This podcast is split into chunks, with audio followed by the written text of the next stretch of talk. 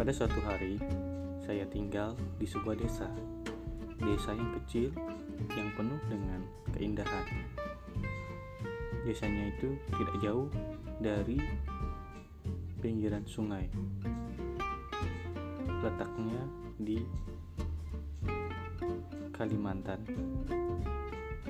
Semuanya di sana tampak asri, penuh dengan hutan-hutan. Saya tinggal bersama dengan orang tua saya. Banyak sekali binatang di sana. Mulai dari orang hutan dan binatang-binatang lainnya.